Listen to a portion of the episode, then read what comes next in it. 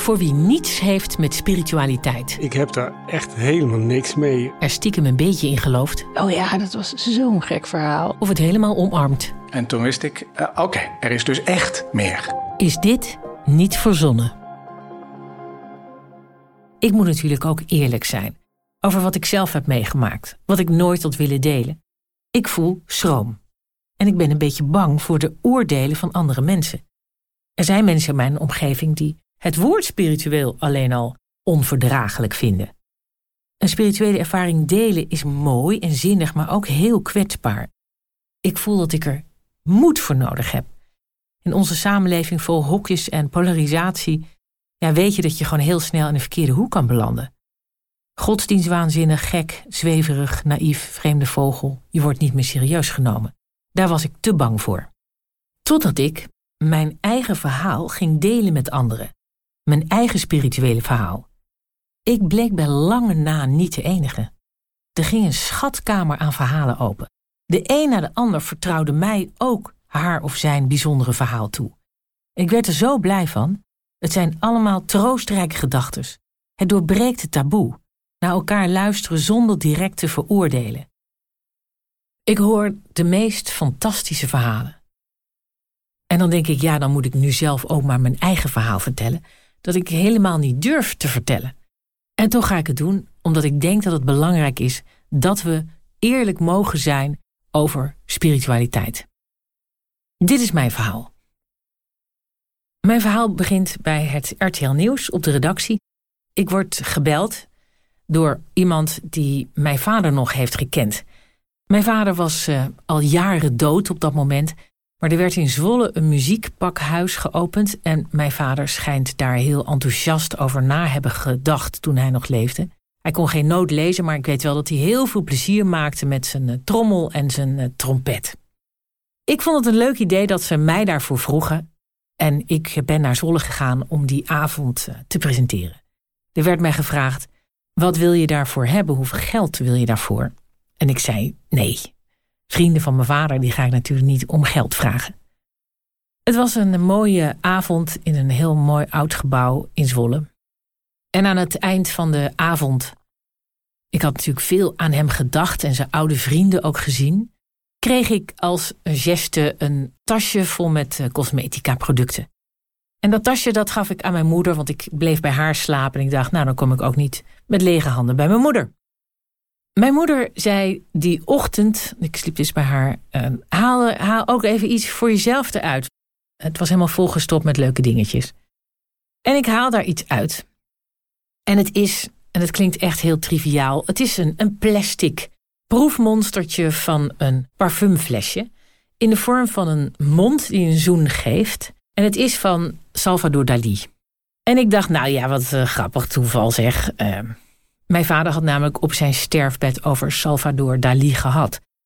Hij had op zijn sterfbed tegen mij gezegd: Afscheid is de geboorte van een herinnering. En dat heb ik niet van mezelf, maar van Dali Salvador. En ik kan me wel voor mijn hoofd slaan dat ik mijn vader op zijn sterfbed verbeterde door te zeggen: Salvador Dali. Daar moesten we allebei om lachen. Dus sinds dat moment heb ik iets met Salvador Dali. Natuurlijk ga ik ervan uit dat dat helemaal toeval was. Ik reed terug naar RTL en toen dacht ik ineens: stel nou dat het geen toeval was. Stel nou dat het wel een teken zou zijn, als dat al bestaat. Wat zou mijn vader moeten doen voordat ik overtuigd zou raken dat er meer is tussen hemel en aarde, dat hij een teken zou geven? Wat zou hij moeten doen? Toen dacht ik, nou, dan moet mijn vader, ik denk dat hij op dat moment al bijna twintig jaar dood was, dan moet hij mij maar een brief sturen. Nou, dat kan natuurlijk niet. En toch ging ik stiekem een beetje om mezelf lachend uh, naar de postvakjes bij RTL.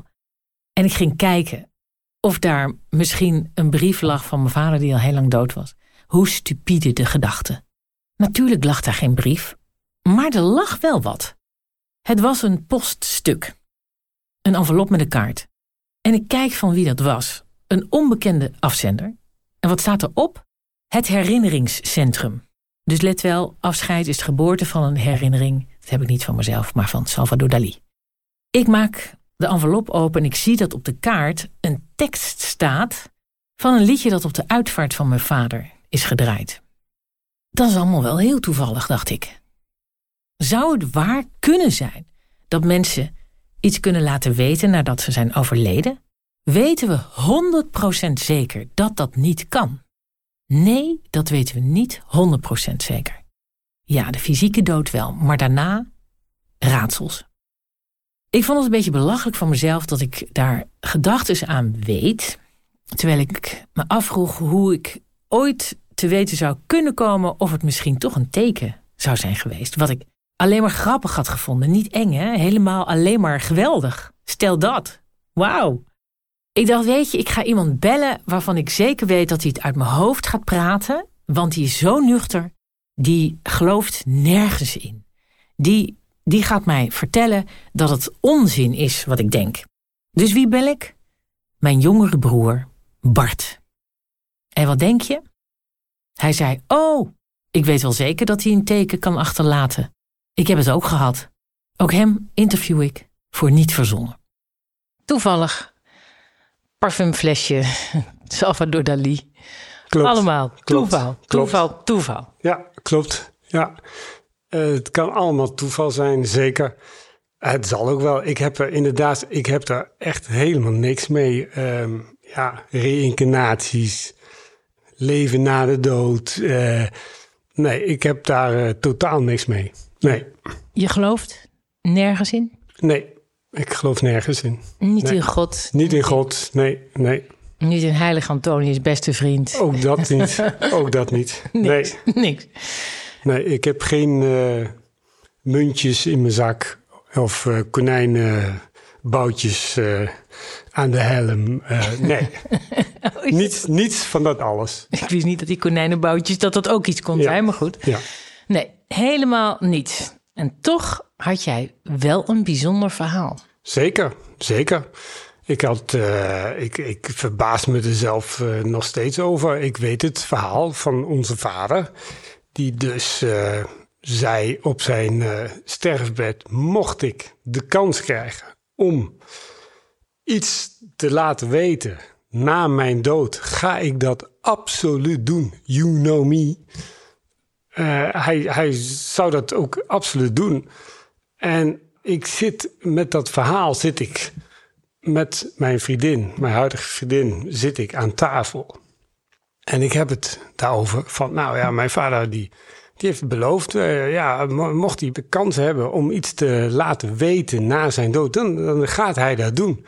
Wij zitten daarover te praten. In de keuken. En op een gegeven moment horen wij de bel gaan. Bij, bij mij in huis. De bel gaat. Maar dat kan niet. De bel kan niet gaan. Wij hebben een ouderwetse bel met een klepel. Die aan een ketting naar buiten normaal ge- hangt. Waar je aan een touwtje moet trekken. Maar dat touwtje was geknapt. Die ketting zit al jaren vast eh, in de muur. Daar gebeurt niks mee. Hij hangt helemaal vrij met, de, met het klepeltje naar beneden. Eh, de, je moet er al een beste tik tegenaan geven om hem überhaupt te laten gaan. En hij gaat. Onder, of net nadat ik dat verhaal heb verteld. En wat dacht je? Ik dacht, nou, ik ben er naartoe gelopen. Ja, inmiddels hangt hij dan stil. Maar ja, ik dacht van, hé, hey, nou, dat is, dat is grappig. Dat is grappig. Hoe kan dat nou? Ik heb er zelfs nog eventjes aangetikt. En inderdaad, ja, je moet hem een beste tik geven. Om hem af te laten gaan. Ja, ja. Maar zou er een, Nogmaals. een logische verklaring eh, geweest kunnen zijn? Nou, ja. Dat lijkt. Ja, ik, ik heb, er, ik heb er geen eh, verklaring voor. Eh, hij hangt er nog steeds. Het is al verschillende jaren geleden. En hij is nooit meer afgegaan, moet ik zeggen. Dus ja, ik weet het niet. Ik, ik vond het een. eh, ja. Ik vond het wel grappig op zich. Maar Maar dacht je niet, oh, dat, dat is dus toch papa? ja, je zou haar zeggen, dat moet haast wel. Maar ik, ik sta wel zo in het leven dat ik niet van die uh, zweverigheid ben. En, nee, dat weet ik. En, uh, ik. ik. heb geen leven na de dood en dood is dood en we zijn er klaar mee en goed. Nee, dus ja, het, het zijn wel bizarre, bizarre dingen. Het past in geen enkel zeg maar, concept wat jij hebt. Het past niet in jouw wereldbeeld. Nee. Dus dat ik ben ook niet anders gaan denken sindsdien. Maar het is toch, toch wel een vreemd verhaal. Mijn kaart en Bart's bel, daar zit een duidelijk verband. We denken een teken te krijgen van een vader die al lang dood is, terwijl we allebei heel goed weten dat dat onmogelijk zou zijn. Cultuursocioloog en hoogleraar mediacultuur Stef Aupers denkt dat het met onze psyche te maken heeft. Ja, wat moet je daarmee? Ja, uh, dat is. Uh, dat is een lastige. Dus ik ga hier niet zeggen wat waar is en wat niet. Dat is ook mijn taak niet. Uh, alleen, het is wel zo dat. en ook dit is een psychologisch mechanisme. Hè? het idee dat je graag bevestiging ziet in die ideeën die je al hebt. Maar misschien was hij nog niet zo geprimed, hè? dus had hij dat idee niet. Maar dan nog kun je zeggen, er zijn zoveel momenten dat de bel niet gaat... Uh, en toeval bestaat. Hè? Dus uh, to be honest, ik heb hier ook een bel. Die gaat ook regelmatig zonder dat er iemand staat. Uh, dat heeft mij er nooit toe gebracht dat ik in geesten ben gaan geloven... maar we maken wel die grap. dus het is op het moment dat er twee gebeurtenissen samenkomen op een moment, een belangrijk moment, als er net iemand is overleden bijvoorbeeld, ja, ga, ben je geneigd om daar eerder extreem veel betekenis aan toe te kennen. dus de vader is overleden, de moeder is overleden en er drie keer landt er een duif op het balkon.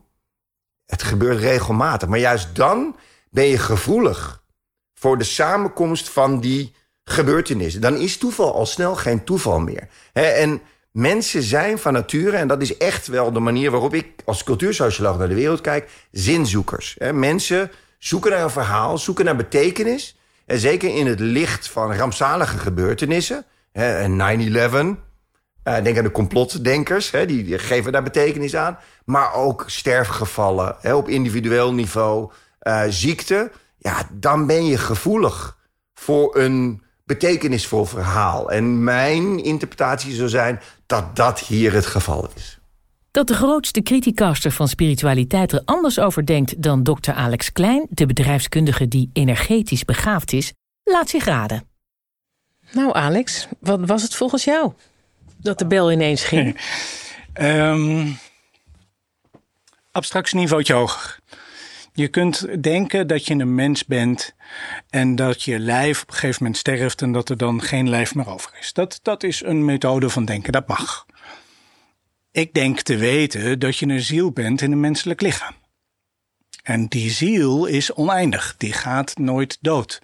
Dus dat betekent dat op het moment dat jouw lichaam sterft, je ziel uittreedt en dus naar de hemel gaat, of hoe je het ook wilt noemen. En of je dan een ziel bent of een geest bent of energie bent, dat doet er niet zoveel toe. Ik denk te weten dat op het moment dat je sterft, word je uh, een, een ziel, en vaak een engel. En de engel heeft als opdracht om mensen te begeleiden. En dan krijg je de beschermengel. Dus jouw naaste familie wil heel graag jouw beschermengel zijn als ze zijn overleden. Op het moment dat Bart met zijn vriendin het heeft over zijn vader en het verhaal van hé, hey, maar, maar hij zou iets laten weten, dan geeft hij dus eigenlijk al energie aan zijn vader met de insteek, ja, maar ik denk nu aan je. En vader voelt dat en komt langs en wil iets laten weten. En dat kan hij dus heel makkelijk doen door eventjes aan die bel te rinkelen. Is het zo simpel? Ja, eigenlijk wel. Bij ons in huis is dit wekelijks aan de hand. Bij ons in huis gaan Wat de lampen aan en uit. Bij ons in huis gaan de kastjes open en dicht. Bij ons in huis vallen dingen van tafels af. Bij ons in huis springt de televisie midden in de nacht op de allerhardste stand aan. In mijn auto verandert de zender van de ene naar de andere plotseling middenin en dan komt er een ander liedje en dat liedje moet ik dan even horen. Dit is voor mij, ik wil niet zeggen gewoon, maar wel bijna gewoon. En vind jij dat net als Bart grappig? Ik probeer dan te bedenken wie is dit en wat wil je me vertellen? Mijn vrouw en ik hebben het een aantal maanden geleden regelmatig gehad over uh, haar overleden tante. En iedere keer als we het erover hadden, dan viel of de bril van mijn vrouw van de tafel af, of de televisieafstandsbediener. Eén van die twee, iedere keer. En de eerste keer dachten we, dat is toeval. Toevallig. Maar het kwam iedere keer weer terug. Dus ik heb op een gegeven moment aan die tante gevraagd: wat wil jij dat wij moeten zien? Want het ging iedere keer overzien. Bril gaat overzien en televisie gaat ook overzien. En daarna werd het rustig, was het stil. Dus klaarblijkelijk moeten we iets zien. Ik weet nog niet wat ik moet zien, maar klaarblijkelijk moeten we iets zien. Of misschien wil die overleden tante wel laten zeggen, maar ik zie jullie wel. Dat kan natuurlijk ook. Nee, maar doordat wij dus over haar hadden, kreeg zij energie van ons, kon die energie gebruiken om dingen eventjes van de bank of van het poefje of van de kast af te gooien. Dit, dit is zeer gebruikelijk. Dit is helemaal niet vreemd. En dat is niet als, alsof iemand dan liever op aarde blijft. Want jij kunt, zeg je zelf, zorgen dat een huis vrij blijft van oude zielen. Ja. En waarom lukt je dat dan niet in je eigen huis? Oh, dat lukt me ook. Alleen dit zijn liefdevolle zielen en niet zoekende zielen. Dit zijn de beschermengelen in plaats van de aardgebonden geesten. dus je hebt aardgebonden geesten die niet weten waar ze zijn. Want ze zijn overleden, maar ze hebben geen lichaam meer, maar, maar nou, lopen vast. En dan heb je de beschermengelen die eigenlijk, nou ja, als een beschermengel om je heen aanwezig zijn. Om je te helpen als er iets bijna fout gaat. Dus je voelt je beschermd? Ik weet, ja, maar iedereen heeft beschermengeltjes.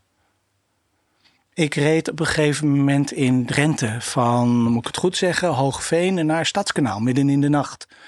En bij Borger, zoek maar op, als je van Hoogveen via Borger, dan via Emmer, dan Borger. Dan ga je door een uh, natuurgedeelte heen en mijn naam werd geroepen. Midden in de auto, midden in de nacht. En ik denk, hè? Het is, het is vreemd, ik zit alleen in de auto. Nou, het zal wel. Maar ik reed een beetje te hard. En het werd nog een keer geroepen. En ik denk, hè? Dus ik ben langzamer gaan rijden. En pal daarop steken er vier herten over. Had ik harder gereden, waren die herten vol op mijn auto gekomen. Of mijn auto vol op die herten. En dan denk jij, ik heb een beschermengel gehad. Ik heb een beschermengel gehad die mij verteld heeft... hé, hey, let nou even op.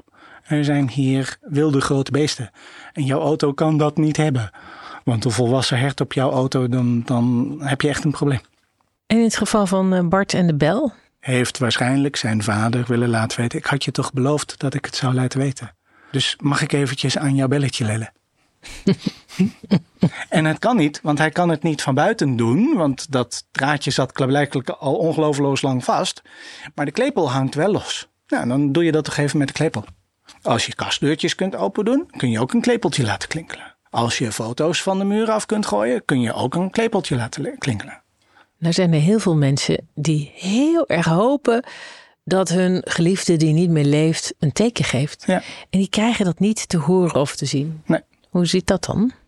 Um, dan vindt waarschijnlijk de andere kant het eigenlijk niet nodig. Maar laat ik dat alsjeblieft meegeven. Als je sterft, ga je naar de hemel toe.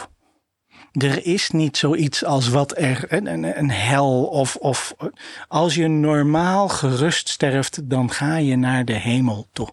Dus het gaat goed met jouw vader, moeder, overleden broer, overleden zus, overleden kind. Het gaat daar goed mee.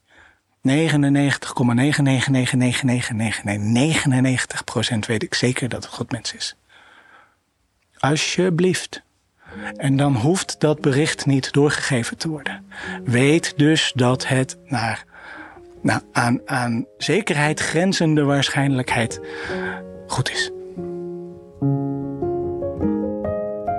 Wat ik zelf stiekem hoop, is dat overleden mensen toch nog weten hoe het met ons gaat. Mijn broer had als jochie een voorspelling gedaan. Papa, als ik later groot ben, dan bouw ik mijn eigen huis. Mijn vader had gezegd: Ja, tuurlijk, jongen. Bart heeft inderdaad zelf zijn huis gebouwd. En daar ging die bel, die niet kon gaan. Mijn vader heeft dit huis nooit gezien.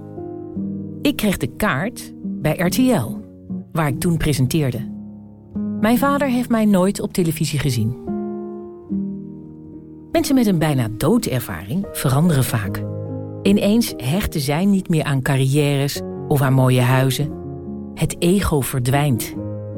Het enige dat echt telt is liefde. Voor alles wat leeft. Dat zou natuurlijk nog veel mooier zijn. En daar heeft iedereen wat aan. In de volgende aflevering Thomas Rauw. Een man die om een wonderlijke reden architect is geworden. Ik luister heel erg zo naar, naar mijn eigen intuïtie en boodschappen die ik krijg. En zelfs het World Economic Forum in Davos inspireert. Het is mijn nicht Suzanne die mij toevallig met hem in contact brengt. Moeder heeft gezegd, vlak voordat ze stierf... er komt een blonde vrouw en die heet Suzanne. En als die komt, dan is het goed. We krijgen natuurlijk ook weer duiding. Misschien mag je ook beseffen, het zou wel eens een zielenboodschap kunnen zijn. En dan zeggen ze, ja, dit is een, hè, dit is een heel fantastisch, heel bijzonder, bijna spiritueel verhaal. Het is heel bijzonder, maar is het spiritueel? Dit is niet verzonnen.